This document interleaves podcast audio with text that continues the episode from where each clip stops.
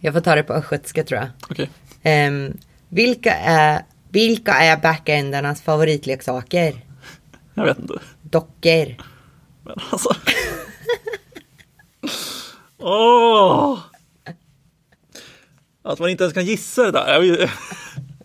Man borde kunna, borde ändå kunna liksom så här tänka, ja back, okej, nej. Nej, bra. Jag tycker det var bra. Bättre på östgötska. Bättre på östgötska, definitivt. Ja. Men ja. Jag tycker det, du har sagt att nivån går neråt, men jag vet inte om jag håller med riktigt. Det, jag tror att det var bättre än förra veckan.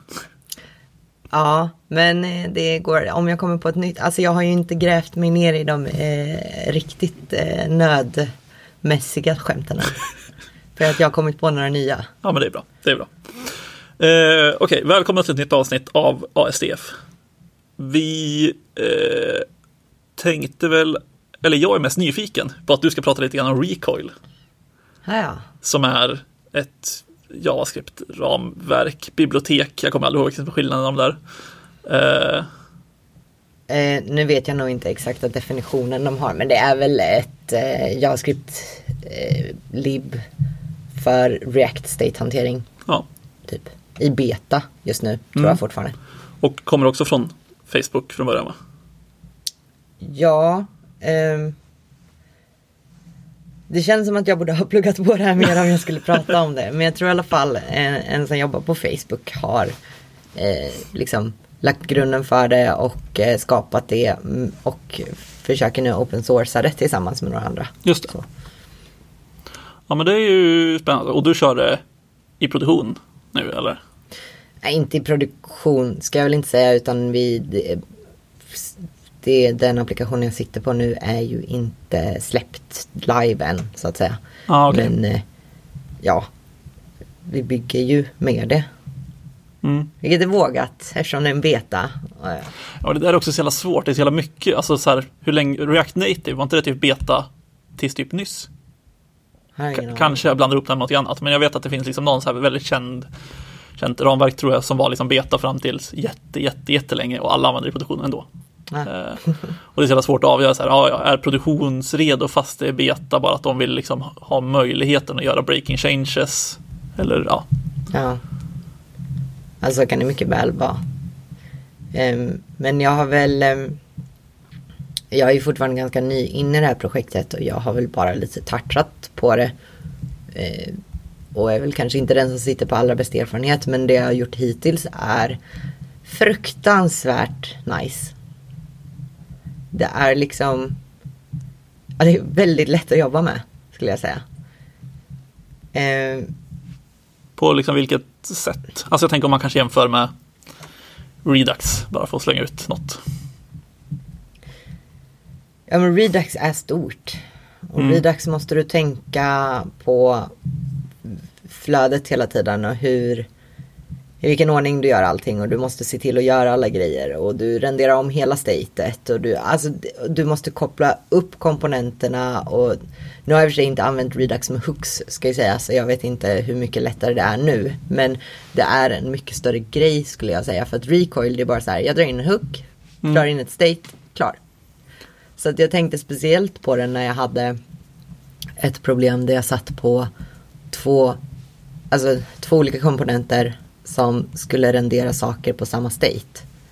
Mm. Och när jag först satte mig ner och funderade på det här, bara, "Ja, det här är, det här är ju stökigt liksom. Det är inte omöjligt, men det är stökigt. Men då hade jag ju inte tanken på att Recoil bara fixade det åt mig.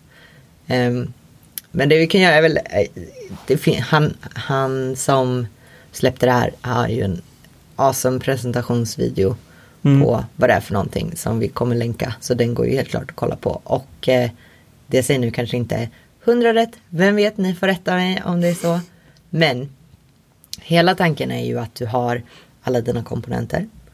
Och the recoil är då, det är liksom atomer kallar de det. Så de, om man säger att man ritar upp ett komponentträd i 2D. Då skulle man säga att atomerna ligger som ortogonalt rakt upp i rymden ovanför. Det här med ortogonalt är ett ord inte relaterat jättestarkt till ska jag känna. Sorry, det där kommer nog från gamla matte. Men 90 grader upp liksom.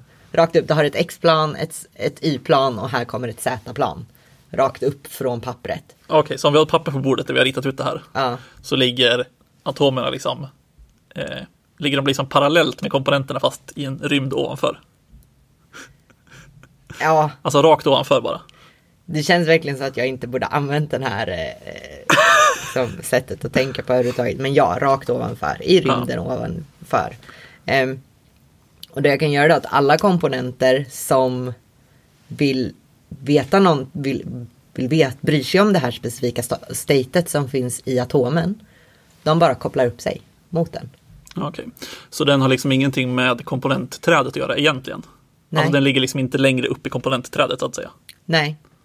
Eh, det du har tror jag väl, nu har jag faktiskt inte kollat det i projekt, men du har väl en recoil root i projektet. Men där ska du bara ha en recoil root liksom. Ja. Så det är inte som ett kontext API där du ska wrappa delen av komponentträdet nödvändigtvis i som du vill eh, kunna nå kontextet i. Utan det är verkligen, de flyter här uppe ovanför dig och behöver du använda dem så hookar du upp dig mot dem.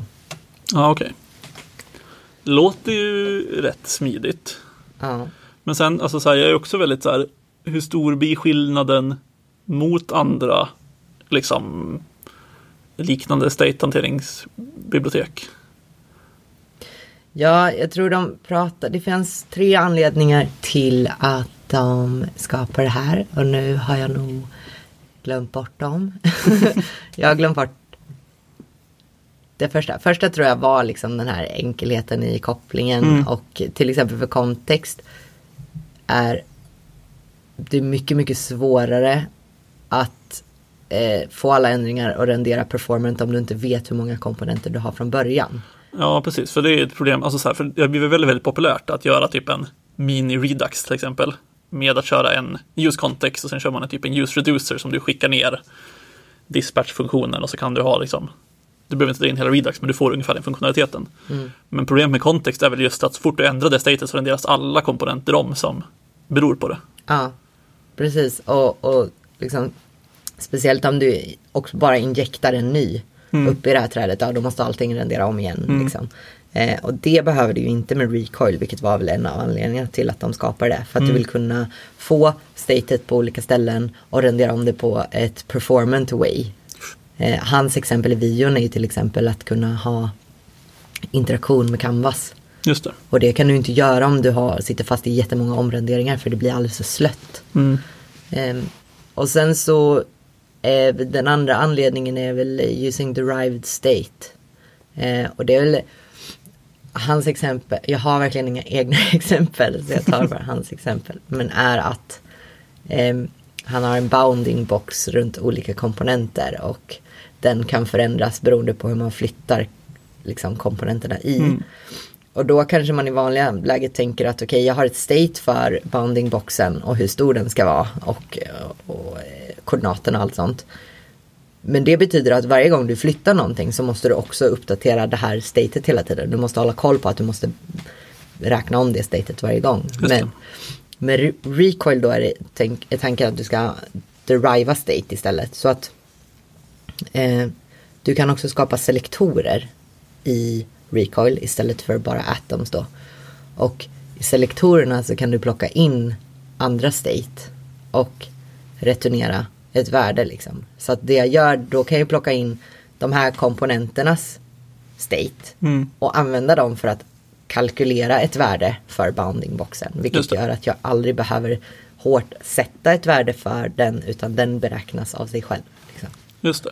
Ja, för det känns som att alla sådana här derived eller liksom deriverade värden har blivit mycket mer populärt som koncept också. Jag tänker på det för att det finns också väldigt, väldigt tydligt som koncept i, i Overmind. Eh, där man kan liksom säga att okej, den här eh, propertyn i det här statet är en derived istället. Och då är det också samma sak att du, den tar istället typ in en funktion där du spesar att okej, du får in hela statet och så kan du spesa att okej, gör det här och så returnerar vi det värdet. Och då räknas den bara om när den delen av statet ändras liksom. Ja.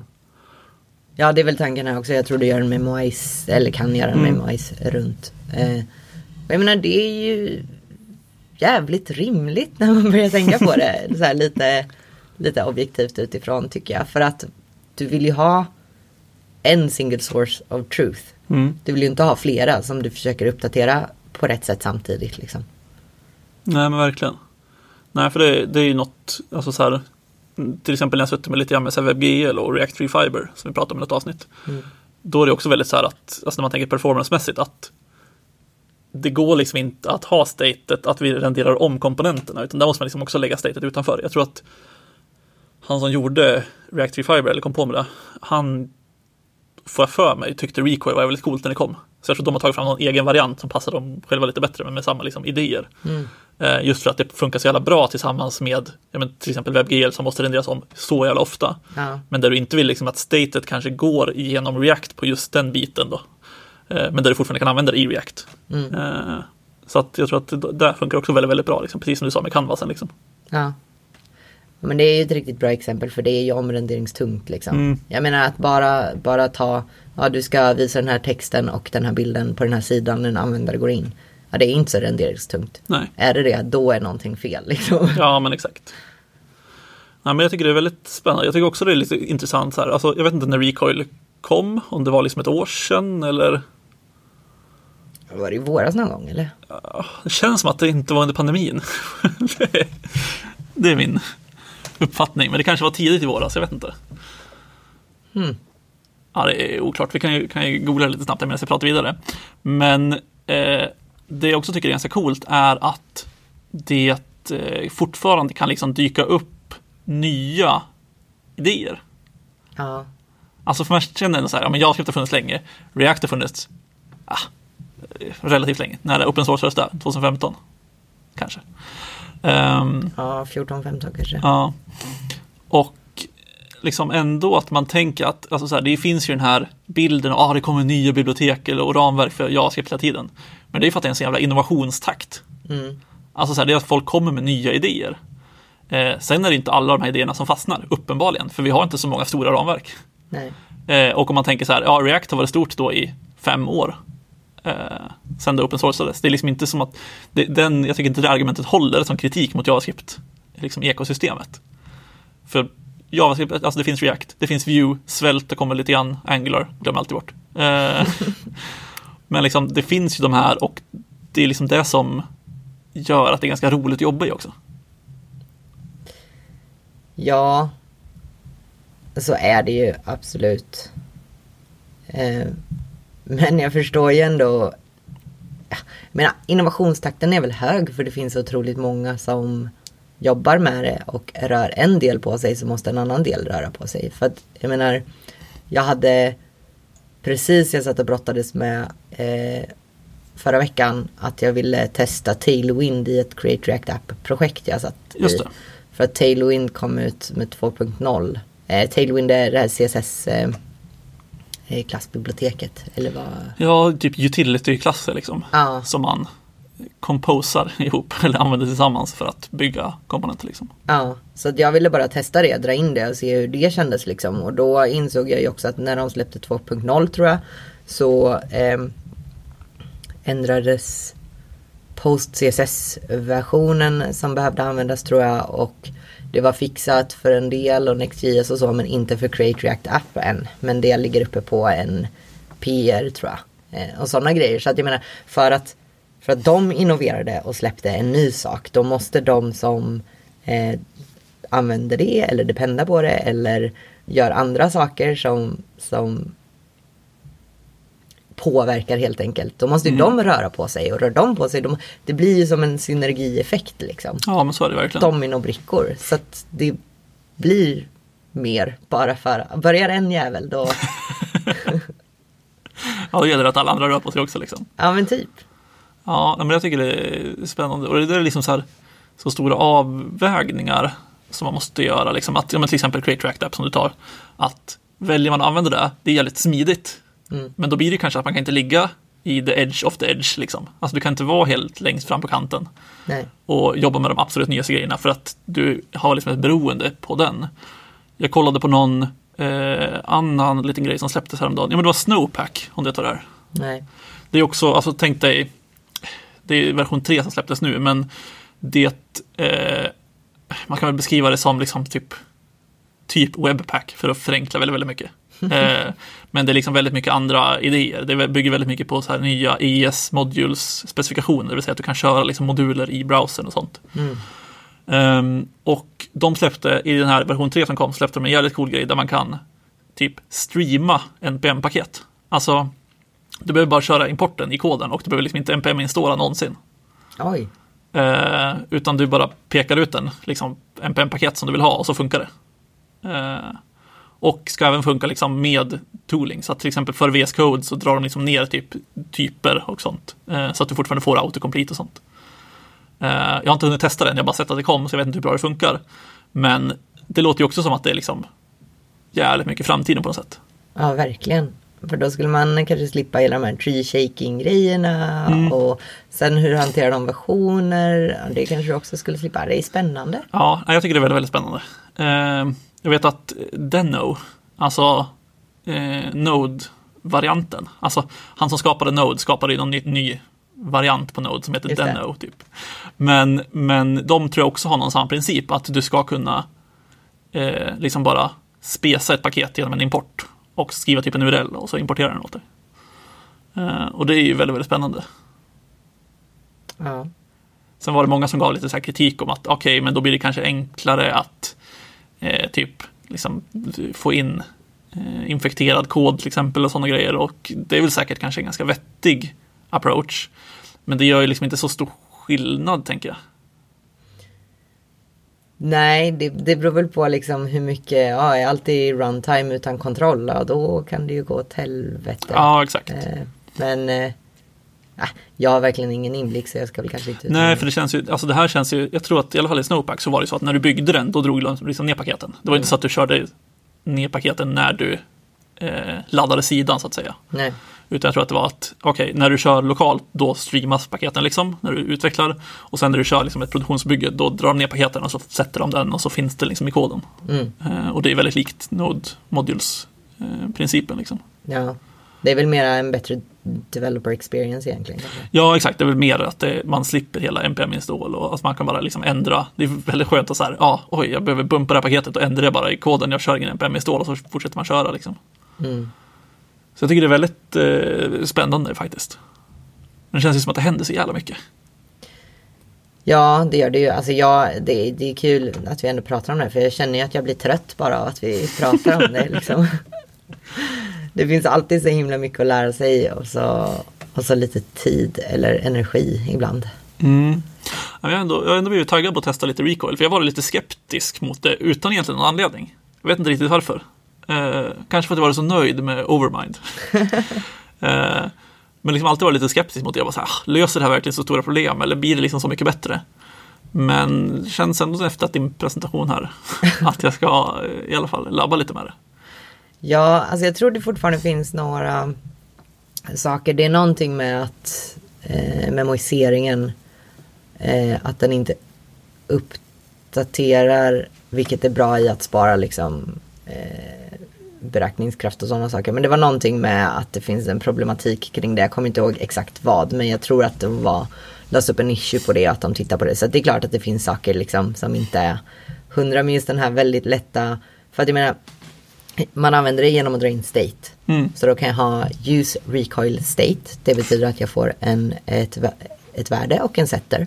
Mm. Jag kan också göra bara use set recoil value. Då får jag bara ut en setter. Och så kan mm. jag ta use re nej förlåt, use set recoil state ger mig en setter bara. Use recoil value ger mig eh, en läsning av statet bara. Liksom. Dra in det som en hook och sen så använder jag det. Och så kan jag stoppa in en dependency array på en ljuseffekt om jag vill göra det liksom. Eh, eller titta på det och det är jättefort. En del, av, eh, en del jag kanske oroat mig för är väl att helt plötsligt så har du det här statet på många olika delar i applikationen och i många komponenter och så har du ingen kontroll på det. Och det tror jag fortfarande skulle kunna vara liksom en, en reell grej om man, om, om man är rädd för att ha väldigt stökigt eller många dependencies i en applikation. Det tror jag är svårt att göra någonting åt liksom. Mm. Men jag är, det, är, det är lightweight, det är snabbt, det känns otroligt intuitivt. Jag Jag tycker det är väldigt trevligt att jobba med. Jag har nog inte liksom jobbat med någon trevligare state-hantering egentligen. Nu har jag inte provat Overmind, Nej. Overmind bara. Men eh, ja, jag är glatt överraskad. De pratar ju också någonting om att du kan få ut hela statet, vilket gör att du kan spara liksom olika state i olika urlar så att du kan skicka specifika eh, liksom, renderingar av state Just det. och sånt. Eh, det har jag inte kollat så mycket på, men det är ganska nice också. Ja, för det känns ju som att eh, just i och med att Overmind som vi pratar om nu, alltså det känns som att de har ganska olika approach. Jag tror att Recoil tar den här idén om att man ska liksom co-locata, det vill säga alltså du vill ha statet ska leva så nära som möjligt som där du använder det. Eh, och det, alltså, det, jag älskar den idén egentligen.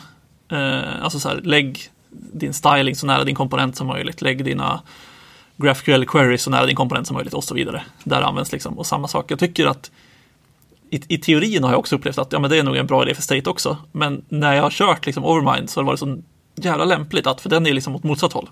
Den säger att okej, du har ditt state på ett enda ställe och det är ett enda state träd, träd som du kan mutera hur mycket du vill.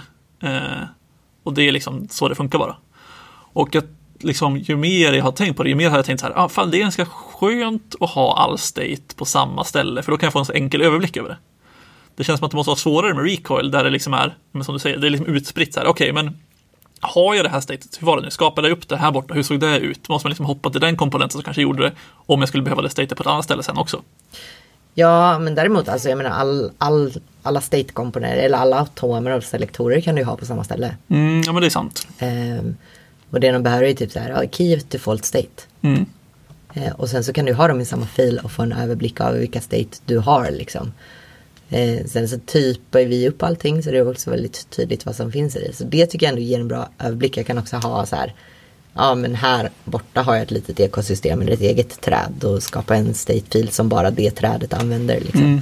Så att det känns inte problematiskt tycker jag. Ja, men det låter ändå vettigt faktiskt. Jag är väldigt sugen på att testa och se hur det funkar liksom. Ja, för det... Ja, men jag, jag tror att det vet, för det känns också som att liksom API-ytan, så att säga, alltså hur mycket liksom, funktioner det finns, är ju väldigt, väldigt liten. Mm. Eh, och det lockar mig ju enormt. Ja. För jag tycker att alltså, ju mindre API-yta ett bibliotek har, desto mer lockad blir jag att använda det. Ja. Så här, som du säger, det finns atomer och selektorer och några hooks. Ja. Eh, det måste vara väldigt enkelt att liksom lära sig vad allting är. Eh, bara för att ja, men det är bara det här du behöver komma ihåg. Ja, för att alltså jag, det, det tog ju inte så lång tid att komma in i det. Alltså nu, åt, återigen, jag har ju scratchat ytan. Jag vet inte hur mycket mer som finns där under. Men att, att bygga saker i det gick ju jätte, jättefort. För att jag var verkligen, jag, jag kommer ihåg att jag såg recoil och sen så var jag nog bara så här. "Ugh." Och sen så stoppade jag det åt sidan och liksom tänkte inte på det utan det tänkte jag nu, det, det får dyka upp om det dyker upp.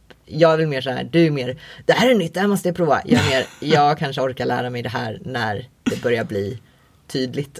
Ja, exakt. Eller när du måste jobba med det. ja, Ja. precis. Och då hamnade jag på det här liksom. Och då var första frågan, var så här, ah, eh, vet du vad recoil är? Och det visste jag nog inte då. Och sen när jag började titta på det så insåg jag att jag hade sett det Mm. liksom. Eh, men det hade försvunnit i huvudet. Så att eh, jag är väldigt glatt överraskad. Ja, men det är spännande. Vi får kanske köra en eh, uppföljning på det här sen och jobba lite mer med det. Och se liksom om eh, den här smekmånaden håller i sig. Ja, Eller om, vi, eller om du tappar något. Det dy- dyker upp någonting som är liksom en dealbreaker. ja. ja, det gör det säkert. Gör det inte alltid det? Jo, det brukar väl göra det. Det är väl alltid något som dyker upp. Eller gräset är alltid grönare på andra, på andra sidan staketet, eller vad fan man säger. Jaha, eh, staket. Nej, staket är det nog inte. Vägen, staket, staket känns också som, ett, som att man ser igenom gräset. Där är grönare där. jag tror det är på andra sidan vägen. Ja, det är det kanske. Med den eh, oklarheten så kanske vi rundar av det här avsnittet. Japp. Um, vill man nå oss finns det på Twitter, länkarna finns i beskrivningen. Ge oss väldigt gärna en recension på iTunes. Då blir vi glada. Japp, och hör gärna av er till Anton om jag hade jättemycket fel så, så berättar han det för mig. Ja, så kan vi pudla i ett annat avsnitt. ja. Vi ses så länge. Det gör vi. Hej då. Hej då.